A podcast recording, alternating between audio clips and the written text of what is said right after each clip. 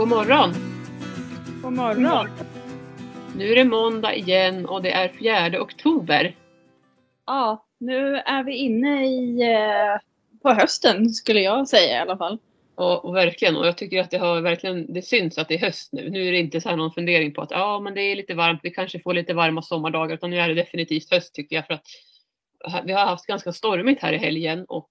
Alla, eller löven har blivit väldigt gula och många av löven har fallit ner till marken så att det känns verkligen som höst och det ligger barr på hela, på halva ridbanan nästan.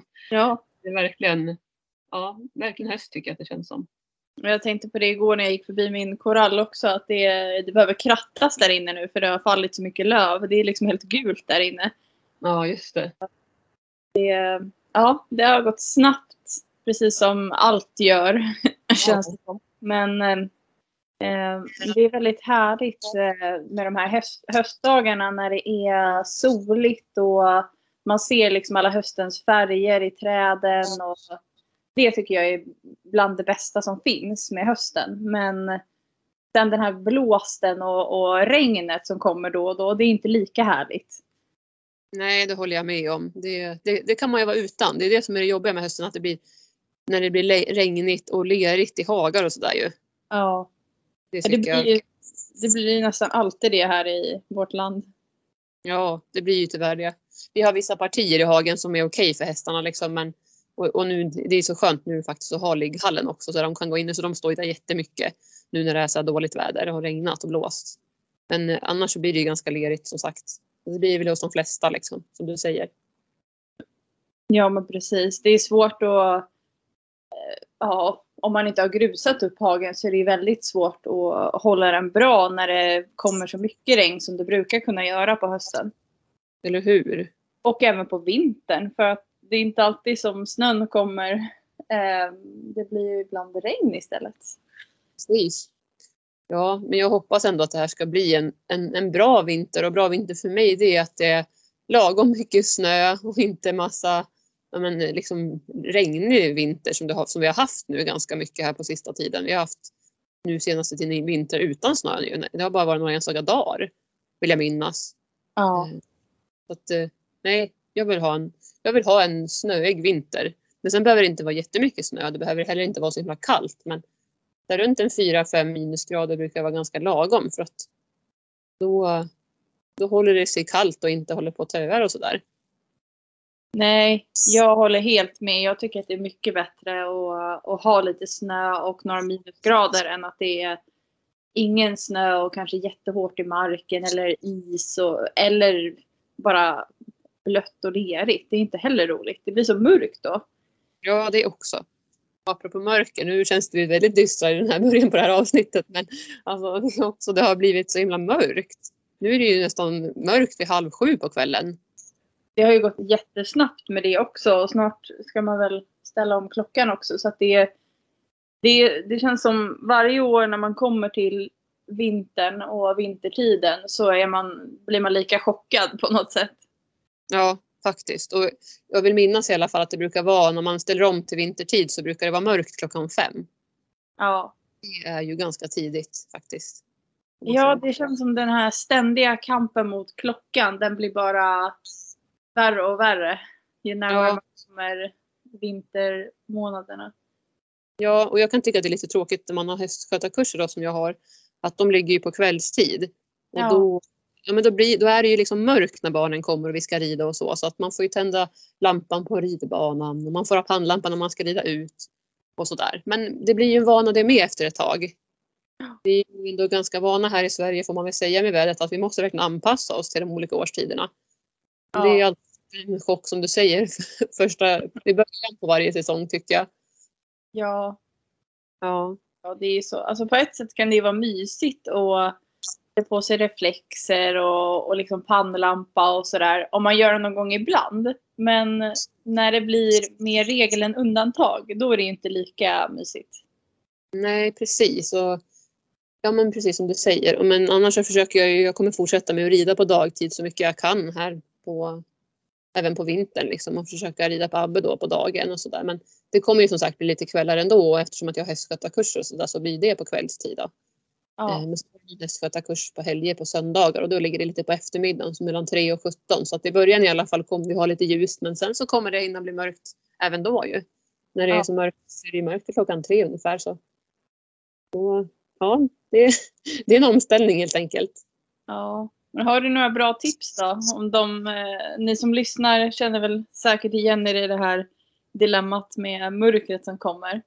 Mm. Har du något bra tips på någonting som du så här, måste ha på vintern för att överleva när du ska ut och rida eller så i mörkret? Alltså för mig är det då min overall. Min ridoverall som jag köpt på Högs. Ja. Den tycker jag är jättebra och den har jag haft i många år. Den har varit väldigt funktionell och hållit bra.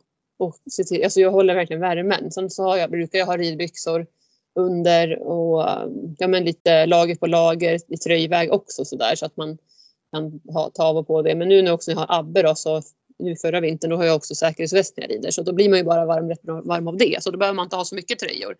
Men och sen så brukar jag alltid ha en mössa eller pannband eller någonting under ridhjälmen för jag blir väldigt känslig för om det blir kallt och blåser och sådär om mina öron så kan jag få huvudvärk väldigt lätt. Så att jag behöver ha någonting som värmer öronen under hjälmen.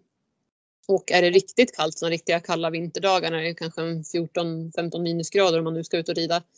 Eh, då brukar jag ha såna här balaklava som täcker även en del av ansiktet och hakan och så. Och sen så är det det här med vantar, för det är väl nästan det svåraste tycker jag. Att hitta bra mm. ridhandskar som värmer och skor för fötterna. Det tycker ja. jag. Men jag köpte när jag var i USA för några år sedan eh, så köpte jag mig ett par riktiga rid, eller rid, det var väl egentligen vandringskängor men det var ju perfekt som ridskor för det var en liten klack och sådär så de har jag använt och de har jag inte frysit i någon enda gång. Bara med ett par ullstrumpor i. Så, men nu har de gått sönder så nu håller jag på att ska kolla på det här inför vintern och hitta ett par andra bra ridskor eller ridkängor. Ja. Så det är väl också mitt tips. Se till att man håller sig varm om fötterna, händerna. Ja, allt egentligen. Alltså, jag är en ganska frusen person och det är väl olika för var, från person till person. Men det är väl liksom, jag behöver verkligen klä på mig bra för att, in, för att liksom tycka att det ska vara okej, okay, tänkte jag säga. Att det ska vara härligt att rida även på vintern. Har du något tips Josefin? Uh, ja, nu uh, är jag bortskämd med att jag i stort sett aldrig rider när det är mörkt längre. För att jag kan styra min tid så pass bra och jag jobbar oftast på kvällstid om jag ska iväg någonstans. Men eh, det var en period i mitt liv då jag hade kontorstider och red i mörkret varje dag. Ja, just det. Då, då var det ju liksom en och en halv timme ut i ritt åtminstone i kolsvart mörker. Och um, ett tips som, eh, som räddade mig, det var att skaffa en bra pannlampa. Och jag hittade en sån här typ orienteringslampa som eh, jag faktiskt köpte via Tradera. Och jag tror att jag betalade typ 500, 600 kanske. Så att det var en billigare modell av pannlampa. Men eh, den hade ändå en enorm eh, ljuskapacitet så att när jag använde den så löste den upp ja, men typ hela skogen där jag, dit jag tittade. Så att den, den räckte både väldigt långt framåt och lite i sidled. Så den löser ju så pass starkt att jag behövde ju släcka den eller blända av när det kom bilar och så för att de blev ju, det var ju som hellyse för dem liksom. Men, men det gjorde ju att det kändes ju som att jag var ute och red i, på dagen ungefär. Mm. Och, ja, nej, men det är helt rätt i. Alltså, en bra pannlampa det tycker jag är A och O. Om man, ja. vill, om man vill ha ljuset liksom. Så att, ja, det, det håller jag med Det går ju att hitta alltså, både Tradera och andra sajter där man kan eh, fynda, fynda varor från utlandet finns det, det finns ju många olika alternativ där och du kan hitta något som är bra för ja, men, runt en 500 liksom. Eh, och vill man lägga mer pengar och få lite bättre kvalitet, till exempel på, på batteriet tror jag framförallt att det är skillnad om du betalar mer. Då ja, finns det ju till exempel Silva är ju ett bra märke som, som också erbjuder riktigt bra pannlampor. För det var ju just batteritiden som var lite si och så med den som jag köpte. För den var, den var nog inte gjord för det kalla klimatet som vi har här på vintern. Den brukade hålla så en och en halv, två timmar. Men mm. det hände ju någon gång att jag var ute och red och den slocknade. Ja, det är inte kul. Men hur, länge, hur lång batteritid vill du ha helst då på dina pannlampor som du har? Alltså, ja men helst skulle man ju vilja ha i alla fall tre timmar eller fyra men det är ja, minst. Då, då. Mm. Eh, men eh, ja, idag så har väl det gått framåt också med, med batterier och så. Jag, sist jag köpte en pannlampa var säkert tio år sedan så att det, det har väl hänt mycket på marknaden. Sen kan man ju också kanske ha en powerbank och ladda batteriet med. Eller om man har ett extra batteri i fickan så kan man ju byta om det tar slut. Precis, så där har jag också varit med om att jag har tänkt på både att ha batteri med mig extra batteri med en sån här powerbank. Det är faktiskt Ja. jättebra. Sen kanske man inte har möjlighet att stanna till heller och ladda visserligen men då är det bra om man har ett extra batteri. Mm. Den kan vara, kanske inte alltid så lätt att man får med sig ett sånt när man köper pannlampan. Så det beror lite på. Man får kolla liksom vad det finns. Eller att man ser till att beställa hem extra så att man har det. Och framförallt om man vet att man, att man är en person som brukar rida långt också, rida ut länge. Liksom. Eh, jag kan säga att man, min pannlampa som jag har nu den har blivit ganska dålig så min man har faktiskt precis beställt åt mig men jag har lite dålig koll var, var det var han beställde ifrån. Eh, Jag tror att min pannlampa hette Cree. C-R-E-E. E Och jag hittade den på Tradera då. då. Mm, just det. Så det är ett, ett litet tips från mig om man vill ha en lite av en budgetvariant men ändå som funkar väldigt bra.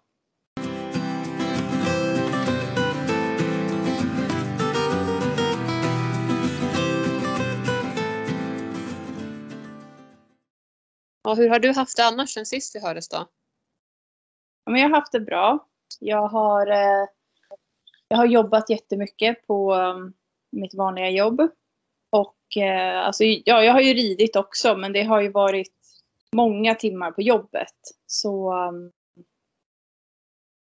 det har eh, ja, varit mest fokus på, på att jobba nästan. Och jag har inte mm, eh, ja, men vi tar det lite lugnt hemma. Vi har inte tränat så jättehårt utan jag har mest bara motionerat hästarna känns det som. Att de har, vi har liksom tagit en tur för att de behöver gå ut och rö- röra på sig. Inte för att de liksom ska träna något särskilt.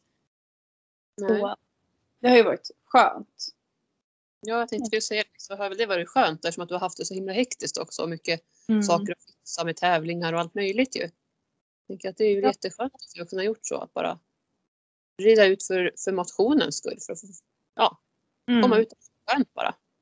Ja, och sen, sen så lägger jag ganska mycket fokus på min unghäst nu då, Santos. Så eh, det är ju bara jag som tränar honom uppsuttet i alla fall. Sen jag, kan jag få in lite hjälp från marken, typ med longering och så av eh, Saga som är i stallet. Men eh, jag vill ju gärna komma vidare så mycket jag kan med hans inridning nu innan det kanske blir mycket is eller så om det blir kallt senare längre fram här.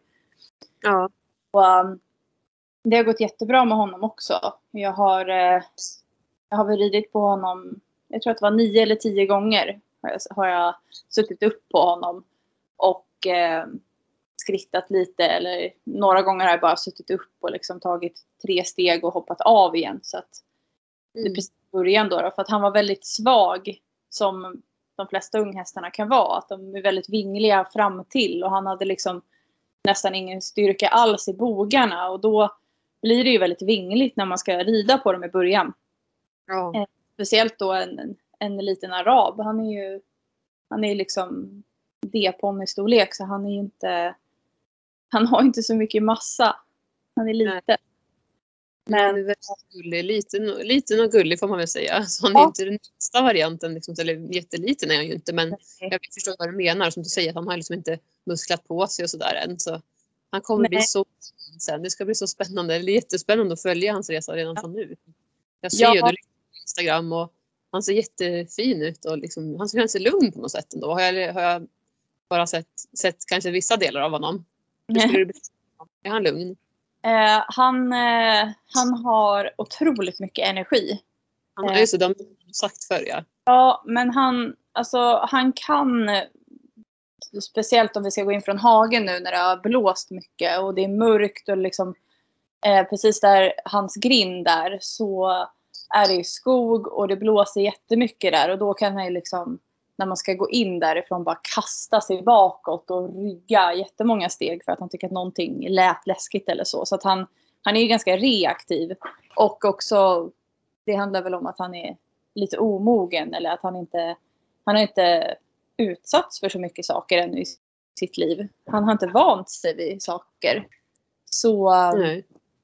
det kommer säkert då lugna ner sig. Men, men han är ändå så här nyfiken och om han blir rädd för någonting så springer han kanske därifrån. Men sen så är hans eh, tendens till att han liksom vill, han vill gå och titta ändå vad det var för någonting. Mm. Eh, men när jag har tränat honom och ridit på honom så tycker jag att jag har inte upplevt att han har varit rädd direkt för någonting eller liksom reagerat på att han tycker det är läskigt när jag rider eller så. Däremot så har jag precis nu börjat introducera trav för honom, uppsuttet. Mm. Och um, första, första gången jag bad honom att trava, då liksom sköt han rygg lite grann och var så här, nej vad är det här för någonting? Det är lite konstigt. Eh, och då gjorde jag ett one-rain stopp och stannade honom direkt. Och sen så bad jag honom igen. Och då så travade han ett par steg och sen nöjde jag mig liksom den dagen. Och nu sist jag travade så kunde jag trava flera gånger under själva passet. Bara kanske så här fem, sex steg i trav och sen saktade vi av. Men mm. han har ju så mycket energi som sagt så att nu när han liksom har fattat vad, vad trav är för något då vill ju han trava jättesnabbt. och bara trava, trava, trava liksom. Så att han är ju en liten arbetsmyra. Mm, men det är väl ändå en bra egenskap att han tycker att det är kul att träna och att det är roligt. Ja. Liksom. Så att eh, jag tror att det är en häst som man behöver tygla på det sättet att han kanske inte alltid vet sin begränsning. Eller liksom hur, hur mycket han klarar av. Som om han ska gå distans nu som planen är så, så kanske han vill ha ett jättehögt tempo redan från början. Men mm. det kommer han inte kunna ha. Han måste ju byggas upp först. Mm, precis. Jag kan tänka mig att han kommer vara så. Mm. Ja, gud vad spännande. Mm. Det är spännande att se med unghästar. Och han är ju fyra år. Eh, ja, fyra och ett halvt är han väl nästan. Men, eh, så att vi, vi ligger liksom lite efter i hans eh, utbildning eftersom han inte är helt inriden ännu. Men jag fick ju hem honom andra augusti eller tredje något sånt. Så att jag har inte haft honom så länge. Det är bara eh, två månader eller? Mm. Ja, två månader. Så vi har ju kommit långt på den tiden vi har eh, haft varandra i alla fall. Ja, min målsättning är att han kanske kan starta en clear round i distansritt på sensommaren eller hösten 2022. Sen kanske mm. det blir så att han är redo tidigare men, men min målsättning är liksom om, om ett år ungefär. Då, då ska vi starta. Gud vad spännande. Ja. Ja. Och jag, som du säger det här med att rida in en häst sent. Alltså Herman han blev ju inriden också som fyraåring. Ja. Han, det blev han ju kastrerad när han var fyra. Så när vi köpte honom så men han var ju fyra år och nykastrerad. Han hade börjat vara kastrerad en månad och ridit också ungefär en månad. Så det var väldigt nytt allting för honom. Ja. Men, så jag tror inte heller att det behöver vara någon fara liksom, att man rider in häst sent utan då vet man i alla fall att de har vuxit till sig bra och sådär. Ja. Jag tror också eftersom han är liten och eh, jag upplever ju nu under tiden jag har haft honom att han har blivit större. Och sen kanske det inte har med mankhöjden att göra men han har definitivt blivit eh, bredare och mer musklad så att han upplevs ju som större. Mm. Så, det kan jag också känna igen med både Abbe och även med King också. Ja. Men de växer ju på bredden när de tränas mm. också. Precis. Ja, Nej, men det, det är härligt, det är spännande, det är kul att ha unghästar att jobba med. Och jag tänkte jag skulle berätta lite grann om Abbe här också, hans utveckling från när han kom och till vad han är nu.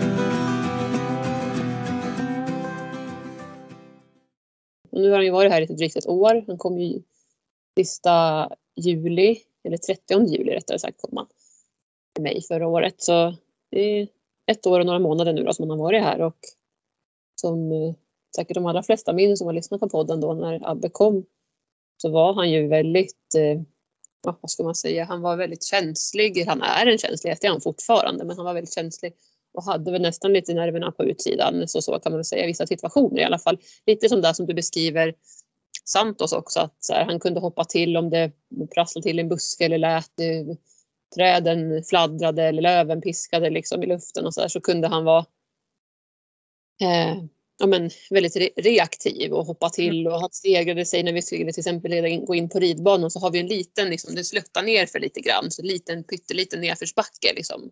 Det lutar ner lite där precis in till grinden och där ville han ju alltid springa fram. Han stegrade sig, alltså han var helt och så här, rusade in på ridbanan och så då försökte jag alltid vända runt honom för jag när jag går in med hästarna på ridbanan så vänder jag alltid runt tillbaka så att hästen följer med mig och så stänger vi grinden det första vi gör. Liksom. Det är en sån rutin som jag alltid har. Och han vill ju bara springa rätt in där och hoppa och studsa. Liksom. Han var helt crazy i mina ögon.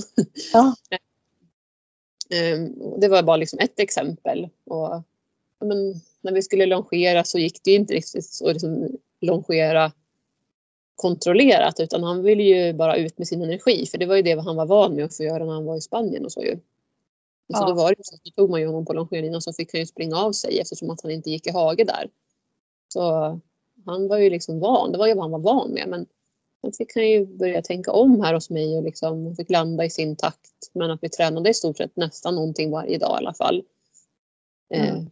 Marken och jag red ju också som sagt som jag berättat om ganska direkt på efter han hade kommit hit. Jag tror att det tog kanske sex, sju dagar så satte jag upp för första gången.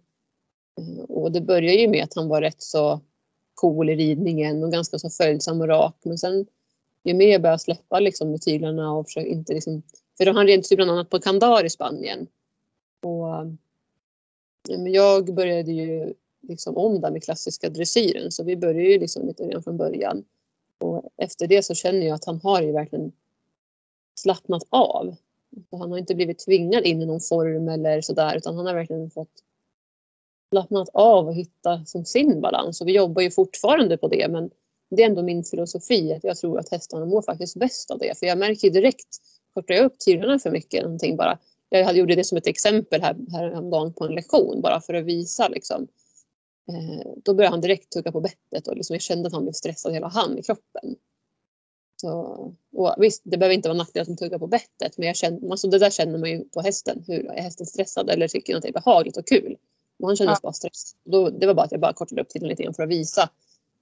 Eh, och det gillar han inte. Och det ju, kan ju vara en träningssak för det är klart att han ska kunna, man ska kunna korta upp tiderna och sådär. Det får inte bli att han liksom känner obehag. Men det var så tydligt att det var på en plats han hade varit tidigare som han inte gillade. Och att han kände, han kände igen det. Det är i alla fall min känsla, min uppfattning av honom. Men det är också förstås svårt att säga när jag inte har sett honom och hur han har tränat i Spanien heller. Men jag kan ju bara utgå från hur han var när han kom. Att han var väldigt spänd och, och allt det här som jag har berättat om. Eh, sen är det klart att flytta från ett annat land. Eh, det är ju en omställning bara det i sig. Så det kan ju göra vilken häst som helst förändrad. Men eh, eh, det är mycket som spelar in förstås. Ja. Har du Josefin, någonting som du undrar över eftersom att du har ju varit med och du har inte träffat Abbe så himla många gånger. Är det en eller två gånger? Jag minns inte. Ja, det är något sånt va? Jag ja. träffade väl inte honom eh, någon gång alls i början. Utan det, det var ju när han hade varit hos dig ett tag. Så att jag fick inte riktigt uppleva live hur han var. Nej, precis. Eh, men... Men du har berättat och sett på filmer och sådär. Och sen... ja. Jag tror första gången var väl när, när ni var och skodde här. Du och, eh, eller din pappa Otto rättare sagt, din sambo. Ja. Ni var och skodde så följde du med. Jag tror att det var då det var första gången du såg Abbe tror jag. det. Jag tror det. Och det var väl i januari.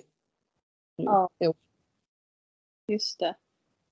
Jag tycker att han, han har ju alltid varit eh, snäll, eller liksom en vänlig häst. Men jag tyckte min upplevelse av honom när jag såg honom på bilder och filmer och så i början var ju att han var ganska...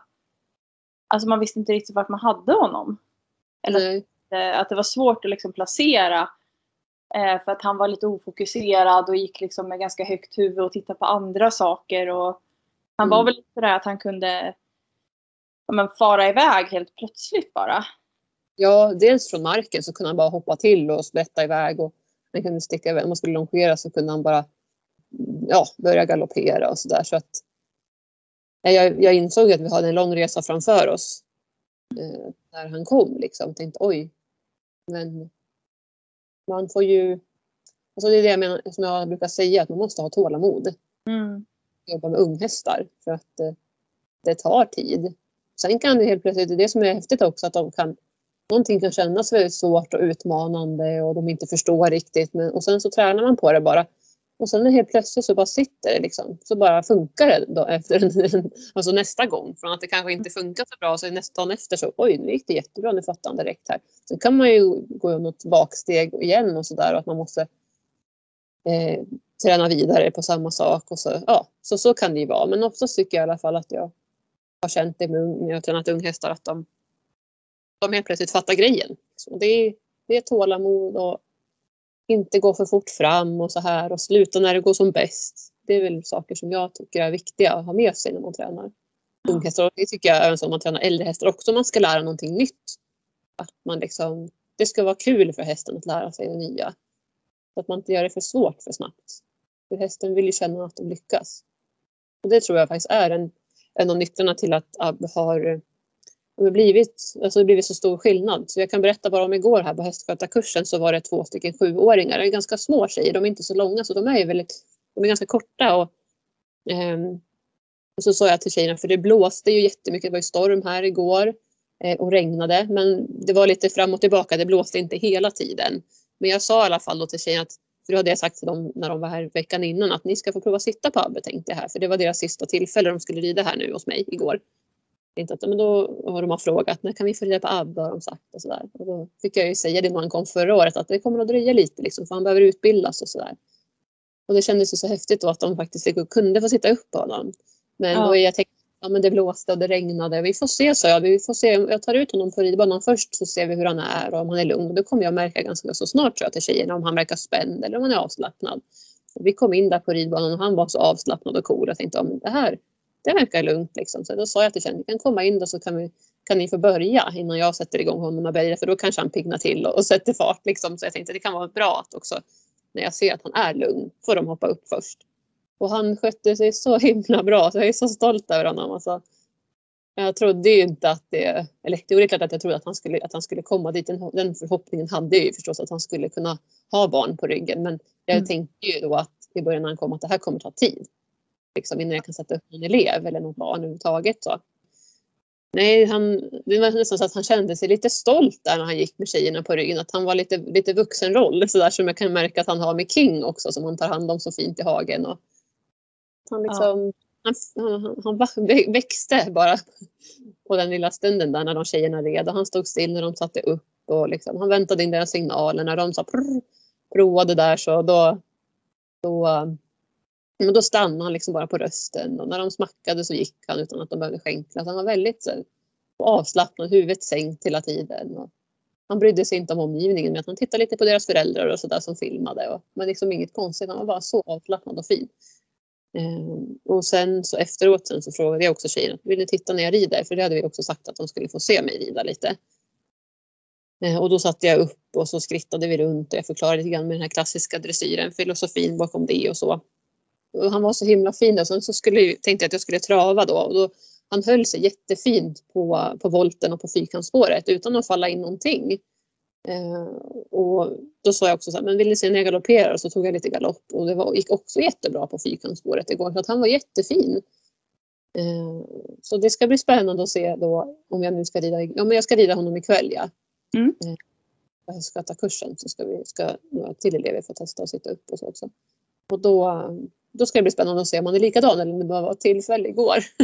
Ja. För det är så här som jag nämnde att det kan plötsligt så, plötsligt så förstår de grejen.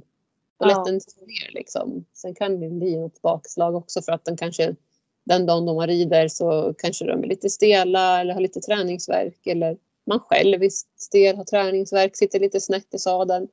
Mm. Så jag känner mig också själv väldigt följsam igår men jag kan fortfarande tycka att det är ganska svårt ibland att, så här, alltså, att rannsaka sig själv. Hur är jag idag? Min kroppskontroll, min, min kroppsformhållning och allt det här. Mm. Och rörlighet och det här. Eh, Men det, uppenbarligen så måste jag ha gjort någonting rätt i alla fall eftersom att han var så fin tänker jag.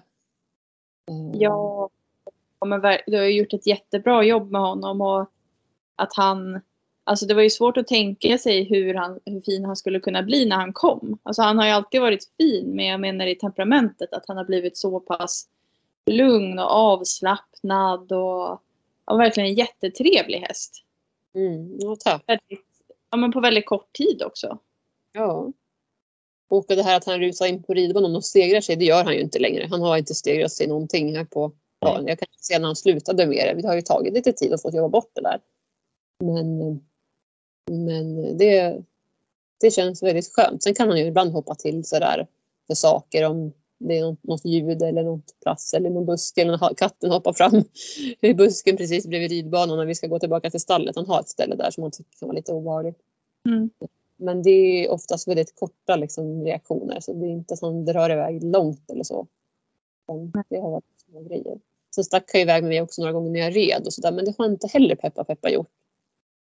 Så, och jag tror att det känns här, eftersom att han också precis som du beskriver Santos en häst som vill röra på sig som har mycket energi.